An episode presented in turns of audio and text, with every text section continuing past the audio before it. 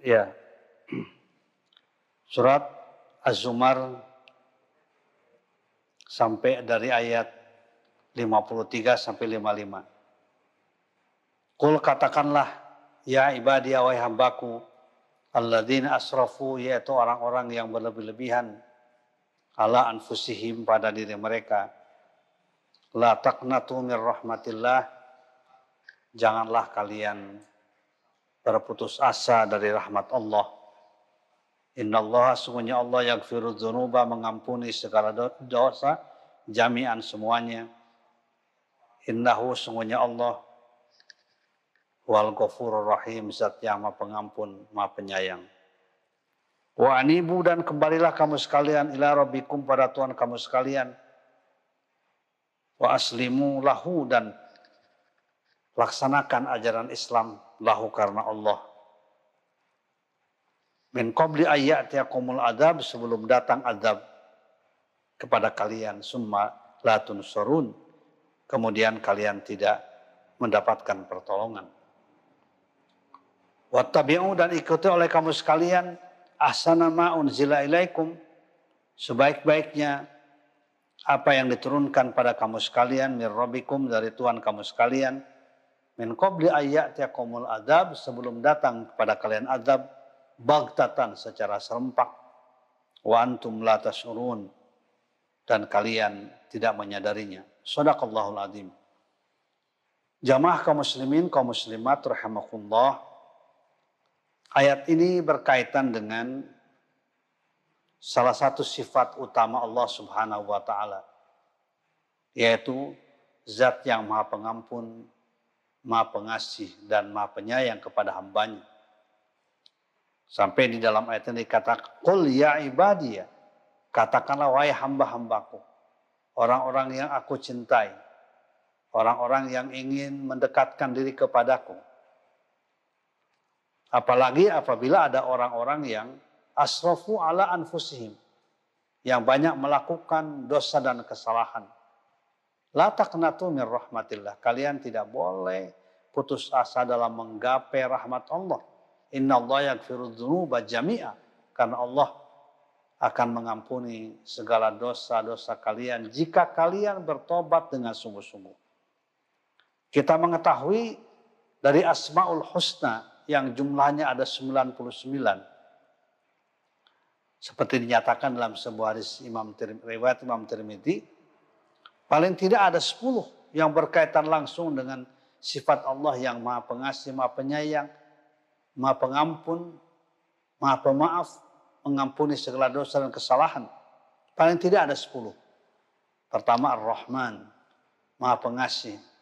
Ar-Rahim, maha penyayang. Al-Ghaffar, maha pengampun. Al-Wahhab, maha penerima. Pemberi. Al-Halim, maha penyabar. Allah tidak langsung menyiksa, mengadab manusia yang melakukan dosa. Al-Ghafur. Allah zat yang maha pengampun terhadap segala macam dosa. Al-Wadud. Yang Allah maha pencintai pada makhluknya. At-Tawwab. Allah zat yang maha penerima tobat. Al-Afu. Allah yang maha pemaaf. Ar-Ra'uf. Dan Allah zat yang maha penyayang. Ar-Rahman, Ar-Rahim, Al-Ghaffar, Al-Wahhab, Al-Halim, Al-Ghafur, Al-Wadud, At-Tawwab, Al-Afu, Ar-Rauf. Itu antara lain Asmaul Husna. Sifat-sifat Allah yang baik yang jumlahnya ada 99. Ada 10 paling tidak. Yang berkaitan secara langsung dengan Allah sebagai zat yang maha pengampun, maha penerima tobat dari hambanya. Bahkan dalam ayat yang kita baca, Inna Allah yang jami'a. Allah akan mengampuni semua dosa yang kalian lakukan asal kalian mau bertobat. Kecuali dosa musyrik yang terbawa mati. Tapi kalau musyrik kemudian dia bertobat dengan sungguh-sungguh Allah menerima tobatnya, tentu akan diampuni. Inna Allah la yaghfiru ayyushraka bihi wa yaghfiru ma dzalika liman yasha. Allah tidak akan mengampuni dosa musyrik kepadanya dan akan mengampuni dosa selain musyrik kalau dosa musyrik itu dia tidak bertobat kepada Allah dan terbawa mati. Maka akan kekal di dalam api neraka karena Allah tidak akan mengampuni pada orang yang musyrik. Itu yang pertama. Yakinlah Allah zat yang maha pengasih, maha penyayang, maha penerima tobat. Kalian dan kita semuanya tidak boleh berputus asa dalam menggapai rahmat dari Allah subhanahu wa ta'ala. Dalam menggapai ampunan dari Allah subhanahu wa ta'ala. Bacalah kalau kita sering-sering istighfar. Rasulullah tidak kurang dari 100 kali.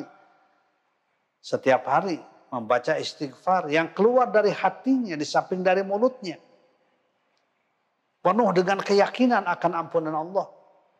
Padahal Rasulullah adalah orang yang maksum yang dijaga oleh Allah Subhanahu wa taala dan telah diampuni segala dosa dan kesalahan. Apalagi tentu kita. Ya, kita sebagai manusia biasa kita manfaatkan waktu kita untuk banyak bertobat kepada Allah Subhanahu wa taala, beristighfar. Ya, mengucapkan kalimat astagfirullah al-azim min kulli dzambin azim wa atubu ilaihi. Astagfirullah al-azim min kulli dzambin azim wa atubu ilaihi min jami'il ma'asi wa dzunub.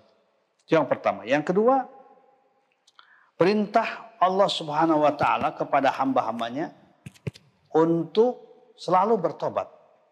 Bahkan di dalam sebuah hadis dikatakan at-taibu minadz-dzanbi kaman la. Ya, orang yang bertobat dari dosa dan kesalahan kaman la adalah seperti orang yang tidak pernah melakukan dosa. Bagaimana kasih sayangnya Allah? Bagaimana ampunan Allah? Bagaimana sifat-sifat Allah yang begitu indah, begitu sayang pada manusia? At-taibu minadz-dzanbi kaman la balah. Orang yang bertobat dari dosa dan kesalahannya, kaman la balah ada seperti orang yang tidak pernah melakukan dosa. Oleh karena itu maka tobat ini harus menjadi pakaian kita. Menjadi lifestyle kita, gaya hidup kita. Karena mungkin sehari-hari kita banyak bergelimang dengan dengan dosa dan kesalahan. Disadari maupun tidak. Tangan kita, kaki kita, pikiran kita. Mulut kita, mata kita, hidung kita, telinga kita. Disadari ataupun tidak kita melakukan dosa dan kesalahan. Dan yang paling utama mensikapi semua itu adalah kita bertobat kepada Allah Subhanahu wa taala. Apalagi yang disebut dengan taubatan nasuha. Ya, taubatan nasuha, taubat yang penuh dengan kesungguhan. Ya, seperti digambarkan oleh Allah pada surat At-Tahrim ayat 8 ya. Jadi kalau kita lihat surat At-Tahrim ayat 8, Allah menjelaskan, memerintahkan, men, mengajak ya kepada orang yang beriman dengan ajakan yang luar biasa Ya ayyuhalladzina amanu wa sekalian orang-orang yang beriman tubu ilallahi taubatan nasuha. Ya, bertobatlah kalian kepada Allah taubatan nasuha. Dengan tobat yang sesungguhnya. Asal buku pasti Tuhan kamu. Ayyukaffiru ankum sayiatikum. Akan memaafkan menghapuskan segala dosa kesalahan kamu sekalian. Wa jannatin tajri min tahtil anhar dan akan memasukkan kalian ke dalam surganya yang mengalir di bawahnya sungai-sungai. Yaumala yukhsillahun nabiyya pada hari Allah tidak akan menghinakan nabi. Walladzina amanu ma'ah dan orang-orang yang beriman yang bersama dengannya. Luar biasa kasih sayang Allah, ampunan Allah. Nuruhum yas'a baina aidihim wa bi Cahayanya terang benderang di depannya ketika berjalan. Kemudian juga di samping kanannya.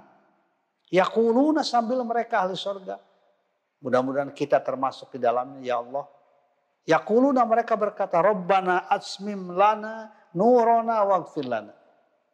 Ya Allah sempurnakan kepada kami cahaya kami dan ampuni dosa dan kesalahan kami. Innaka ala kulli syai'in qadir. Sesungguhnya engkau zat yang maha kuasa terhadap segala sesuatu. Itulah yang dikatakan taubatan nasuha. Tetapi perlu kita lihat ada beberapa persyaratan ya tentang taubatan nasuha itu. Tobat yang sungguh-sungguh. Ada tiga paling tidak. Kalau dikaitkan dengan hakul adami, ditambah satu lagi. Ya, atau batu wajibatun min kulli dhanbin. Ya. Tobat itu sebuah kewajiban dari segala macam dosa. Fa'in kanatil ma'siyatu bainal abdi wa bainallah ya la tata'allaqu bihaqqin adamiyin falha thalathatu surid. Apabila maksiat kesalahan itu antara hamba dengan Allah tidak terkait dengan hukum adami, hak adami, hak manusia, tidak terkait dengan dosa kesalahan antara sama manusia, maka paling tidak ada tiga persyaratan. Ini kita ingatkan betul ya, masukkan dalam hati kita. Pertama, ayyukli'a anil maksiati. Dia berusaha keluar dari maksiat itu. Orang yang suka minum keras ketika bertobat kepada Allah, ya dia sadar betul bahwa minum keras itu, minuman keras itu, minuman yang membahayakan, yang menyebabkan dia akan langgeng ke dalam neraka. Dia segera yukli'a, mina yukli'a minat dhanbi. Dia cabut, ya, dia keluar, dia lari dari itu, menjauh, tidak mau mendekat lagi. Ayyukli'a minat dhanbi. Ya, yang kedua adalah dama ala fi'liya. Yaitu merasa sedih. Ya, menyesal secara mendalam dengan hati dan pikiran. Ya, menyesal dama sedih, menyesal ala fi'liya karena melakukannya. Penyesalan itu sangat penting. Karena penyesalan itulah yang akan menyebabkan seseorang dia mau meninggalkan sesuatu yang buruk. Pertama dia cabut ya, lari dari perbuatan dosa itu. Dosa perzinaan, dosa apa pun juga. Kemudian dia menyesali, ya telah berbuat, telah melakukan dosa dan kesalahan. Ayandama, perasaannya yang bergetar, emosinya yang bergetar pikirannya, spiritualnya, rohaninya. Kemudian wasalis ayyazama Allah ya'uda ilaihi ilaiha abada. Yaitu dia punya azam, punya keyakinan yang kuat.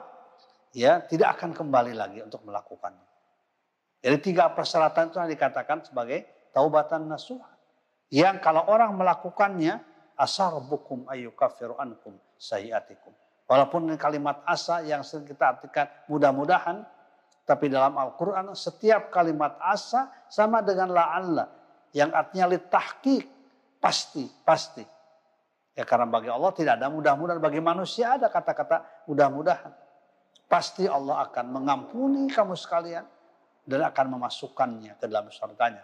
Tadi seperti kata Rasulullah, At-taibu minad zanbi kaman la zanbalah orang yang bertobat dari dosa seperti orang yang tidak pernah melakukan dosa dan kesalahan itu. Tetapi wa in kanatil maksiyatu tata'allaqu bi adamiyin, jika kemaksiatan itu berkaitan dengan manusia, ya, dengan manusia kita zalim, memfitnah, mengambil hak orang lain, ya, berlaku aniaya, ya, membunuh karakter saudara kita, teman kita, dengan menyebarkan berita-berita yang tidak benar yang menghancurkan kredibilitasnya maka ada tambahan ya ada tambahan persyaratan satu lagi ketika dosa itu berkaitan dengan manusia yaitu adalah wa ayyabra min man haq sahibiha yaitu dia membersihkan diri dari orang yang pernah dianiaya dari orang yang pernah dizalimi dari orang yang pernah diambil haknya. Ya, pernah dihinakan martabatnya. Kita meminta maaf kepada yang bersangkutan. Dengan penuh keikhlasan. Walaupun tentu ada risikonya dia akan marah. Tapi saya yakin ketika orang kita sungguh-sungguh meminta ampunnya kepada yang bersangkutan atas dosa dan kesalahan kita, insya Allah dengan husnuzan kita dia akan memaafkan kita. Kalau mengambil haknya, kembalikan haknya. Kalau mengambil uangnya, kembalikan uangnya. Ya, kalau mengambil hartanya, kembalikan hartanya. Dikembalikan pada yang bersangkutan. Itu adalah salah satu persyaratan utama ketika dosa itu terjadi antara manusia dengan manusia. Kapan kita harus terus bertobat kepada Allah? Ya, sampai waktu yang terakhir. Ya, bahwa tobat itu akan diterima oleh Allah malam yugorgir selama uh, sakratul maut belum datang pada kita. Ketika sakratul maut, itu Allah tidak akan menerima tobat kita. Karena kita pada waktu sakratul maut kita melihat di mana tempat kita kembali. Apakah kita akan menjadi ashabul yamin ataukah kita akan menjadi ashabul shimal. Jadi ada keterpaksaan tobat ya kepada Allah pada saat itu. Atau ketika turun azab Allah atau ketika datang hari kiamat. Oleh karena itu maka manfaatkan oleh kita termasuk anak-anak muda karena anak muda yang terbaik itu kata Nabi Nabi mengatakan dalam sebuah hadis atau batu hasanun tobat itu sangat indah sangat baik walakin bisyabab hasan tetapi dari kalangan anak muda generasi muda tobat itu jauh lebih baik ya insya Allah ketika anak-anak muda yang berprestasi ya pengetahuannya ya yang luar biasa aktivitasnya dia bertobat kepada Allah saya yakin dia akan menjadi pemimpin di masa yang datang, di masa yang akan datang. Pemimpin yang mengendalikan kepemimpinnya dengan hati yang bersih.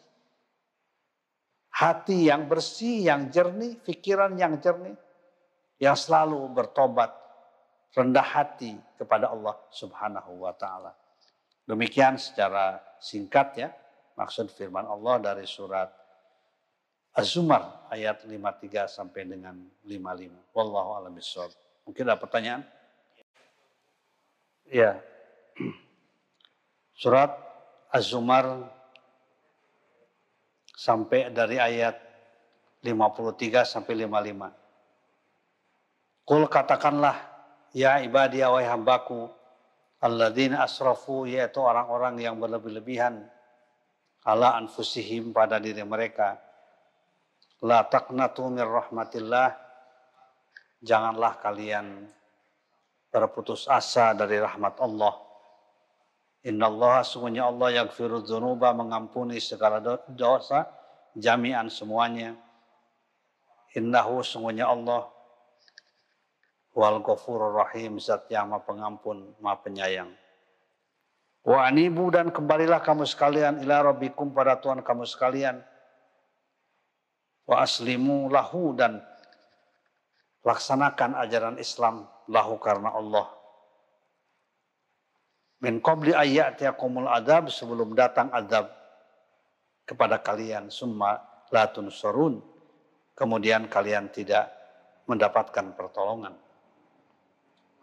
Wattabi'u dan ikuti oleh kamu sekalian ahsana ma unzila ilaikum sebaik-baiknya apa yang diturunkan pada kamu sekalian mir rabbikum dari Tuhan kamu sekalian min qabli ayyatiyakumul adab sebelum datang kepada kalian adab bagtatan secara serempak wa la dan kalian tidak menyadarinya. Sadaqallahul. Jamaah kaum muslimin, kaum muslimat rahimakumullah. Ayat ini berkaitan dengan salah satu sifat utama Allah Subhanahu wa taala yaitu zat yang maha pengampun, maha pengasih dan maha penyayang kepada hambanya. Sampai di dalam ayat ini dikatakan, Qul ya ibadiyah, katakanlah wahai hamba-hambaku, orang-orang yang aku cintai, orang-orang yang ingin mendekatkan diri kepadaku. Apalagi apabila ada orang-orang yang asrafu ala anfusihim, yang banyak melakukan dosa dan kesalahan La taqnatu min rahmatillah. Kalian tidak boleh putus asa dalam menggapai rahmat Allah. Inna Allah yakfiru dhunuba jami'a. Karena Allah akan mengampuni segala dosa-dosa kalian jika kalian bertobat dengan sungguh-sungguh. Kita mengetahui dari Asmaul Husna yang jumlahnya ada 99. Seperti dinyatakan dalam sebuah hadis Imam riwayat Imam Tirmidzi, Paling tidak ada sepuluh yang berkaitan langsung dengan sifat Allah yang maha pengasih, maha penyayang, maha pengampun, maha pemaaf, mengampuni segala dosa dan kesalahan. Paling tidak ada sepuluh. Pertama Ar-Rahman, maha pengasih. Ar-Rahim, maha penyayang. Al-Ghaffar, maha pengampun. Al-Wahhab, maha penerima. Pemberi. Al-Halim, maha penyabar. Allah tidak langsung menyiksa, mengadab manusia yang melakukan dosa. Al-Ghafur. Allah zat yang maha pengampun terhadap segala macam dosa. Al-Wadud yang Allah maha pencintai pada makhluknya. At-Tawwab, Allah zat yang maha penerima tobat. Al-Afu, Allah yang maha pemaaf. Ar-Ra'uf, dan Allah zat yang maha penyayang. Ar-Rahman, Ar-Rahim, Al-Ghaffar, Al-Wahhab, Al-Halim, Al-Ghafur, Al-Wadud, At-Tawwab, Al-Afu, Ar-Ra'uf. Itu antara lain Asma'ul Husna. Sifat-sifat Allah yang baik yang jumlahnya ada 99. Ada 10 paling tidak. Yang berkaitan secara langsung dengan Allah sebagai zat yang maha pengampun, maha penerima tobat dari hambanya. Bahkan dalam ayat yang kita baca, Inna Allah yang dzunuba jami'a. Allah akan mengampuni semua dosa yang kalian lakukan asal kalian mau bertobat. Kecuali dosa musyrik yang terbawa mati. Tapi kalau musyrik kemudian dia bertobat dengan sungguh-sungguh Allah menerima tobatnya, tentu akan diampuni. Inna Allah la yaghfiru ayyushraka bihi wa yaghfiru ma dzalika liman yasha. Allah tidak akan mengampuni dosa musyrik kepadanya dan akan mengampuni dosa selain musyrik. Kalau dosa musyrik itu dia tidak bertobat kepada Allah dan terbawa mati.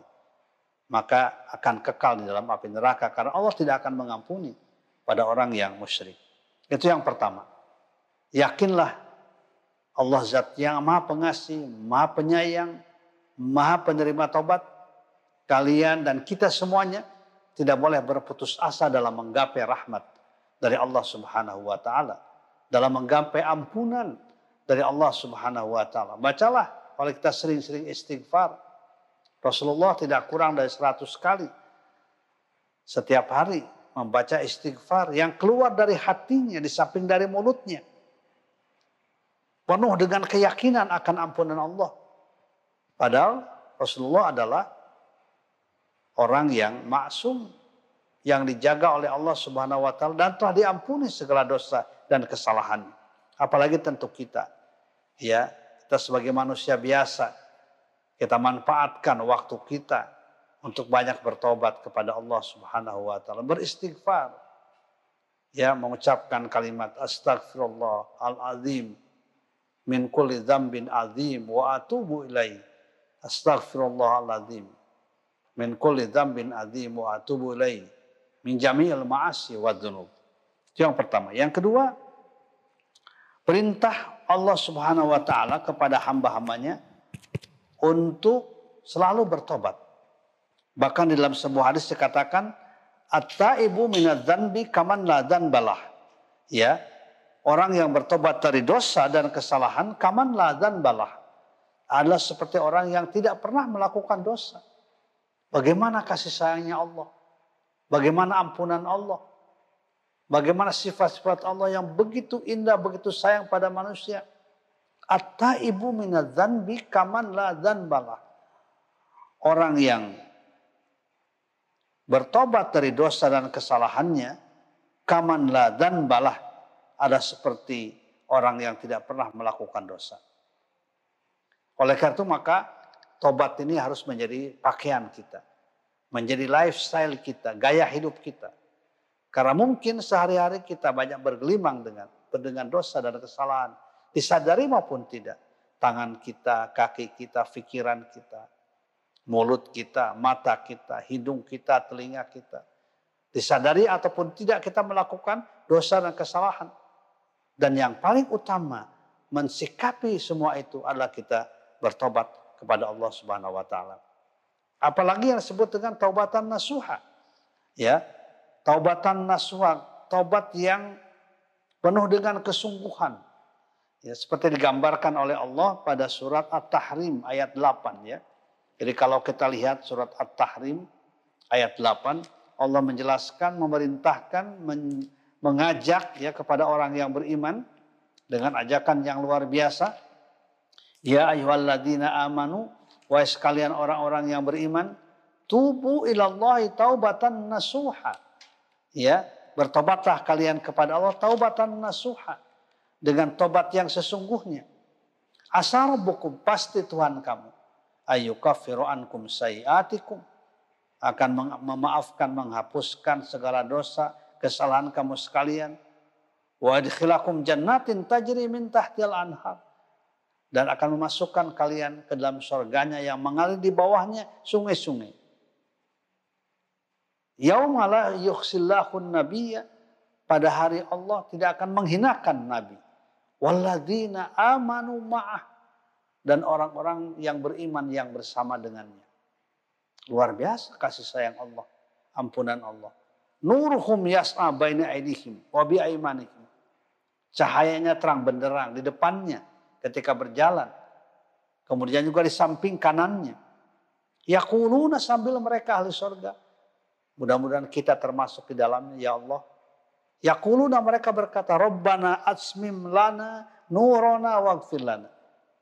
Ya Allah sempurnakan kepada kami cahaya kami dan ampuni dosa dan kesalahan kami. Innaka ala kulli syai'in qadir. Sesungguhnya engkau zat yang maha kuasa terhadap segala sesuatu. Itulah yang dikatakan taubatan nasuha. Tetapi perlu kita lihat ada beberapa persyaratan ya tentang taubatan nasuha itu. Tobat yang sungguh-sungguh. Ada tiga paling tidak. Kalau dikaitkan dengan hakul adami ditambah satu lagi. Ya, at-taubatu wajibatun min kulli dhanbin. Ya.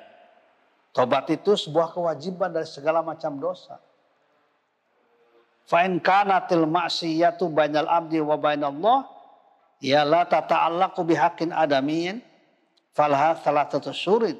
Apabila maksiat kesalahan itu antara hamba dengan Allah tidak terkait dengan hukum adami, hak adami, hak manusia, tidak terkait dengan dosa kesalahan rasa manusia, maka paling tidak ada tiga persyaratan. Ini kita ingatkan betul ya, masukkan dalam hati kita. Pertama, ayyukli'a anil maksiati. Dia berusaha keluar dari maksiat itu. Orang yang suka minum keras ketika bertobat kepada Allah, ya dia sadar betul bahwa minum keras itu, minuman keras itu, minuman yang membahayakan, yang menyebabkan dia akan langgeng ke dalam neraka. Dia segera yukli'a mina yukli'a minat dhanbi. Dia cabut. Ya. Dia keluar, dia lari dari itu. Menjauh, tidak mau mendekat lagi. Ayyukli'a minat dhanbi. Ya. Yang kedua adalah ayyandama ala fi'liya. Yaitu merasa sedih. Ya, menyesal secara mendalam dengan hati dan pikiran. Ya, menyesal ayyandama sedih, menyesal ala fi'liya karena melakukannya. Penyesalan itu sangat penting. Karena penyesalan itulah yang akan menyebabkan seseorang dia mau meninggalkan sesuatu yang buruk. Pertama dia cabut ya, lari dari perbuatan dosa itu. Dosa perzinaan, dosa apa pun juga. Kemudian dia menyesali, ya telah berbuat, telah melakukan dosa dan kesalahan. Ayandama, perasaannya yang bergetar, emosinya yang bergetar pikirannya, spiritualnya, rohaninya. Kemudian wasalis ayyazama Allah ya'uda ilaihi ilaiha abada. Yaitu dia punya azam, punya keyakinan yang kuat. Ya, tidak akan kembali lagi untuk melakukannya. Jadi tiga persyaratan itu yang dikatakan sebagai taubatan nasuh. Yang kalau orang melakukannya, asar bukum ayyukafiru ankum sayiatikum. Walaupun kalimat asa yang sering kita artikan mudah-mudahan, tapi dalam Al-Quran setiap kalimat asa sama dengan la'alla. Yang artinya litahkik, pasti, pasti. Ya karena bagi Allah tidak ada mudah-mudahan, bagi manusia ada kata-kata mudah-mudahan. Pasti Allah akan mengampuni kamu sekalian dan akan memasukkannya ke dalam surganya. Tadi seperti kata Rasulullah, At-taibu minad zanbi kaman la zanbalah orang yang bertobat dari dosa seperti orang yang tidak pernah melakukan dosa dan kesalahan itu. Tetapi wa in kanatil ma'siyatu tata'allaqu bi adamiyin, jika kemaksiatan itu berkaitan dengan manusia, ya, dengan manusia kita zalim, memfitnah, mengambil hak orang lain, ya, berlaku aniaya, ya, membunuh karakter saudara kita, teman kita, dengan menyebarkan berita-berita yang tidak benar yang menghancurkan kredibilitasnya maka ada tambahan ya ada tambahan. Persyaratan satu lagi ketika dosa itu berkaitan dengan manusia yaitu adalah wa ayyabra min man hak sahibiha yaitu dia membersihkan diri dari orang yang pernah dianiaya, dari orang yang pernah dizalimi, dari orang yang pernah diambil haknya, ya pernah dihinakan martabatnya. Kita meminta maaf kepada yang bersangkutan dengan penuh keikhlasan. Walaupun tentu ada risikonya dia akan marah. Tapi saya yakin ketika orang kita sungguh-sungguh meminta ampunnya kepada yang bersangkutan atas dosa dan kesalahan kita, insya Allah dengan husnuzan kita dia akan memaafkan kita. Kalau mengambil haknya kembalikan haknya. Kalau mengambil uangnya kembalikan uangnya. Ya. Kalau mengambil hartanya kembalikan hartanya. Dikembalikan pada yang bersangkutan. Itu adalah salah satu persyaratan utama ketika dosa itu terjadi antara manusia dengan manusia. Kapan kita harus terus bertobat kepada Allah? Ya, sampai waktu yang terakhir ya bahwa tobat itu akan diterima oleh Allah malam yugorgir selama uh, sakratul maut belum datang pada kita. Ketika sakratul maut itu Allah tidak akan menerima tobat kita. Karena kita pada waktu sakratul maut kita melihat ke, di mana tempat kita kembali. Apakah kita akan menjadi ashabul yamin ataukah kita akan menjadi ashabul shimal. Jadi ada keterpaksaan tobat ya kepada Allah pada saat itu atau ketika turun azab Allah atau ketika datang hari kiamat. Oleh karena itu maka manfaatkan oleh kita termasuk anak-anak muda karena anak muda yang terbaik itu kata Nabi. Nabi mengatakan dalam sebuah hadis atau batu hasanun. Tobat itu sangat indah, sangat baik. Walakin bisyabab asan. Tetapi dari kalangan anak muda, generasi muda, tobat itu jauh lebih baik. Ya, Insya Allah ketika anak-anak muda yang berprestasi ya pengetahuannya ya yang luar biasa aktivitasnya dia bertobat kepada Allah. Saya yakin dia akan menjadi pemimpin di masa yang datang di masa yang akan datang. Pemimpin yang mengendalikan kepemimpinnya dengan hati yang bersih. Hati yang bersih yang jernih pikiran yang jernih yang selalu bertobat rendah hati kepada Allah Subhanahu wa taala demikian secara singkat ya maksud firman Allah dari surat Az-Zumar ayat 53 sampai dengan 55. Wallahu a'lam bishawab. Mungkin ada pertanyaan?